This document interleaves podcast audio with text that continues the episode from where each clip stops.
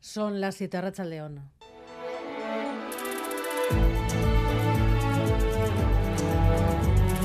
Gambara con Arancha García.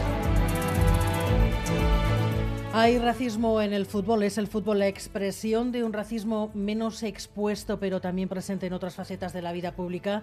Los clubes, la liga están permitiendo el racismo en sus campos. Se lleva demasiado tiempo mirando hacia otro lado. Los insultos racistas ayer a un jugador del Real Madrid están en manos de la Fiscalía, pero también Iñaki y Nico Williams han sido insultados en un campo de fútbol y muchos más. Pero desde 2015 solo ha llegado a abrirse un juicio y todavía no tiene sentencia Gary Suárez. Iñaki Williams recibió insultos racistas en el campo del español en 2020 y este caso es el único que ha conllevado que se abra un juicio oral hasta el momento. Se anunció en enero de este mismo año y la Fiscalía pide hasta dos años de cárcel. Pero esto no es lo habitual. Desde que la Liga creara la Dirección de Integridad y Seguridad en 2015 ha realizado más de 12 denuncias, cuatro de ellas han sido archivadas y solo una ha conllevado sanción. Esa multa la recibió un aficionado del Mallorca en marzo pasado, castigo de 4.000 euros y expulsión de cualquier recinto deportivo durante 12 meses. El caso de Vinicius ha entrado en la campaña electoral en España y tiene ya incluso repercusión internacional. El presidente de Brasil ha pedido que se eche al fascismo de los estadios, pero la realidad es que esto lleva tiempo pasando y no solo en el fútbol profesional, también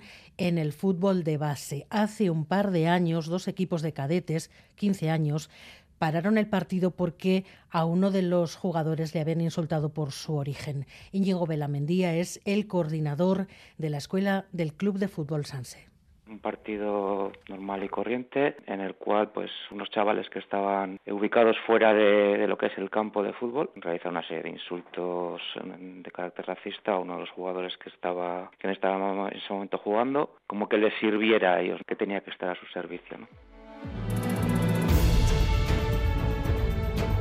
Y además ya hay una primera evaluación de daños de las inundaciones de este fin de semana. En unos minutos vamos a hablar aquí en Gambara con uno de los portavoces del Consorcio de Compensación de Seguros. Podríamos estar hablando de pérdidas de 4 o 5 millones de euros. En tres horas llegaron a caer 400 litros por metro cuadrado en una superficie muy pequeña. John Fernández Sí, y hoy todavía en las localidades más afectadas los vecinos han continuado con las labores de limpieza y empiezan a hacer balance ya de los daños y a ponerse en contacto con los seguros. Pérdidas millonarias, como decía Saranza, que han afectado a Guipúzcoa, pero sobre todo a Navarra. Vera, Lesaca o Arano son pueblos volcados donde todos han acudido a ayudar a quienes más han perdido en estas inundaciones. Como unas 30 personas hemos estado trabajando. Ha sido muy bonito ver el apoyo del pueblo, ha sido muy bonito.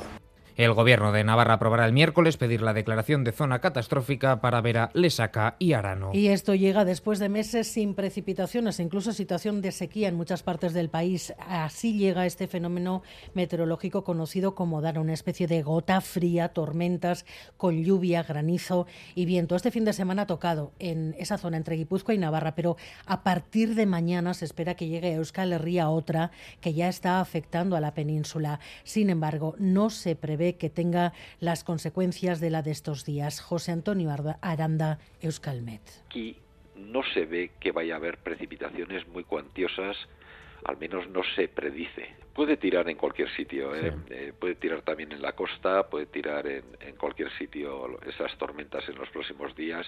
Sí que es cierto que habría algo más de probabilidad que tirase pues un poco más hacia el sur, pero no se ve precipitaciones demasiado cuantiosas al menos en nuestra zona. El caso Bateragune no debería volver a ser juzgado. Es el criterio de la Fiscalía del Tribunal Constitucional, rectificando al Supremo, que a su vez rectificó a la Audiencia Nacional. El argumento definitivo es que volver a sentar en el banquillo a Arnaldo Tegui y los otros cuatro condenados, todos con las penas de prisión ya cumplidas, supondría una quiebra de la tutela judicial efectiva es el criterio de la Fiscalía, pero la decisión depende ahora del Pleno del Tribunal Constitucional. Eso cuando la campaña electoral coge carrera para el sprint final, hoy último día para publicar sondeos, último CIS con intención de voto, sondeo realizado ya en campaña electoral, con la polémica por las listas de H. Bildu Nerea Sarriegui.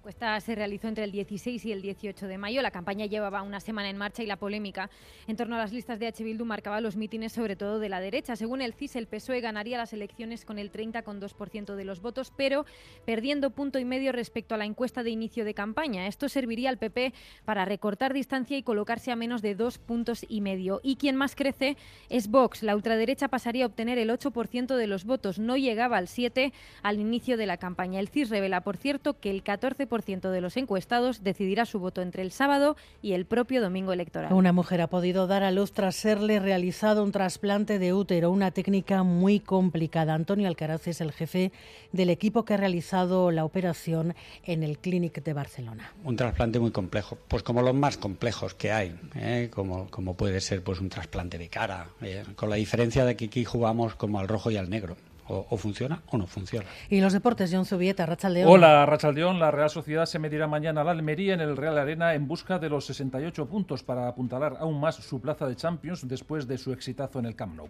En segunda división, el Alavés dispondrá de 690 entradas para el decisivo encuentro ante Las Palmas de este fin de semana en las Islas Afortunadas, que puede suponer el ascenso a primera división. También en fútbol, los ecos de los insultos a Vinicius siguen resonando, con Iñaki Williams mostrando su apoyo al futbolista del Real Madrid. Y en cuanto al baloncesto, el Bilbao Basket se conjura para ganar mañana al Unicaja para así acceder a Europa. Lo hace con una plantilla tocada por las lesiones y con la incorporación de Sergio Llorente para un solo partido. Desde que tú llegaste todas las piedras me dan abrigo y ahora tu cuerpo es patria, tengo aguijón y un buen enemigo. Es nuestro rumor de sables que yo te canto. Cerrar los ojos de Víctor Erice está en el Festival de Cannes. Es el primer largometraje del cineasta vasco en 30 años. José Coronado es parte del elenco y decía hoy que este es un cine de los que ya no se hacen.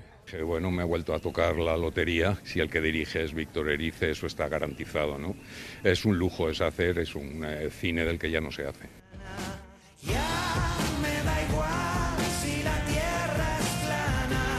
Erice que vuelve a coincidir con la actriz Ana Torrent 50 años después del espíritu de la colmena.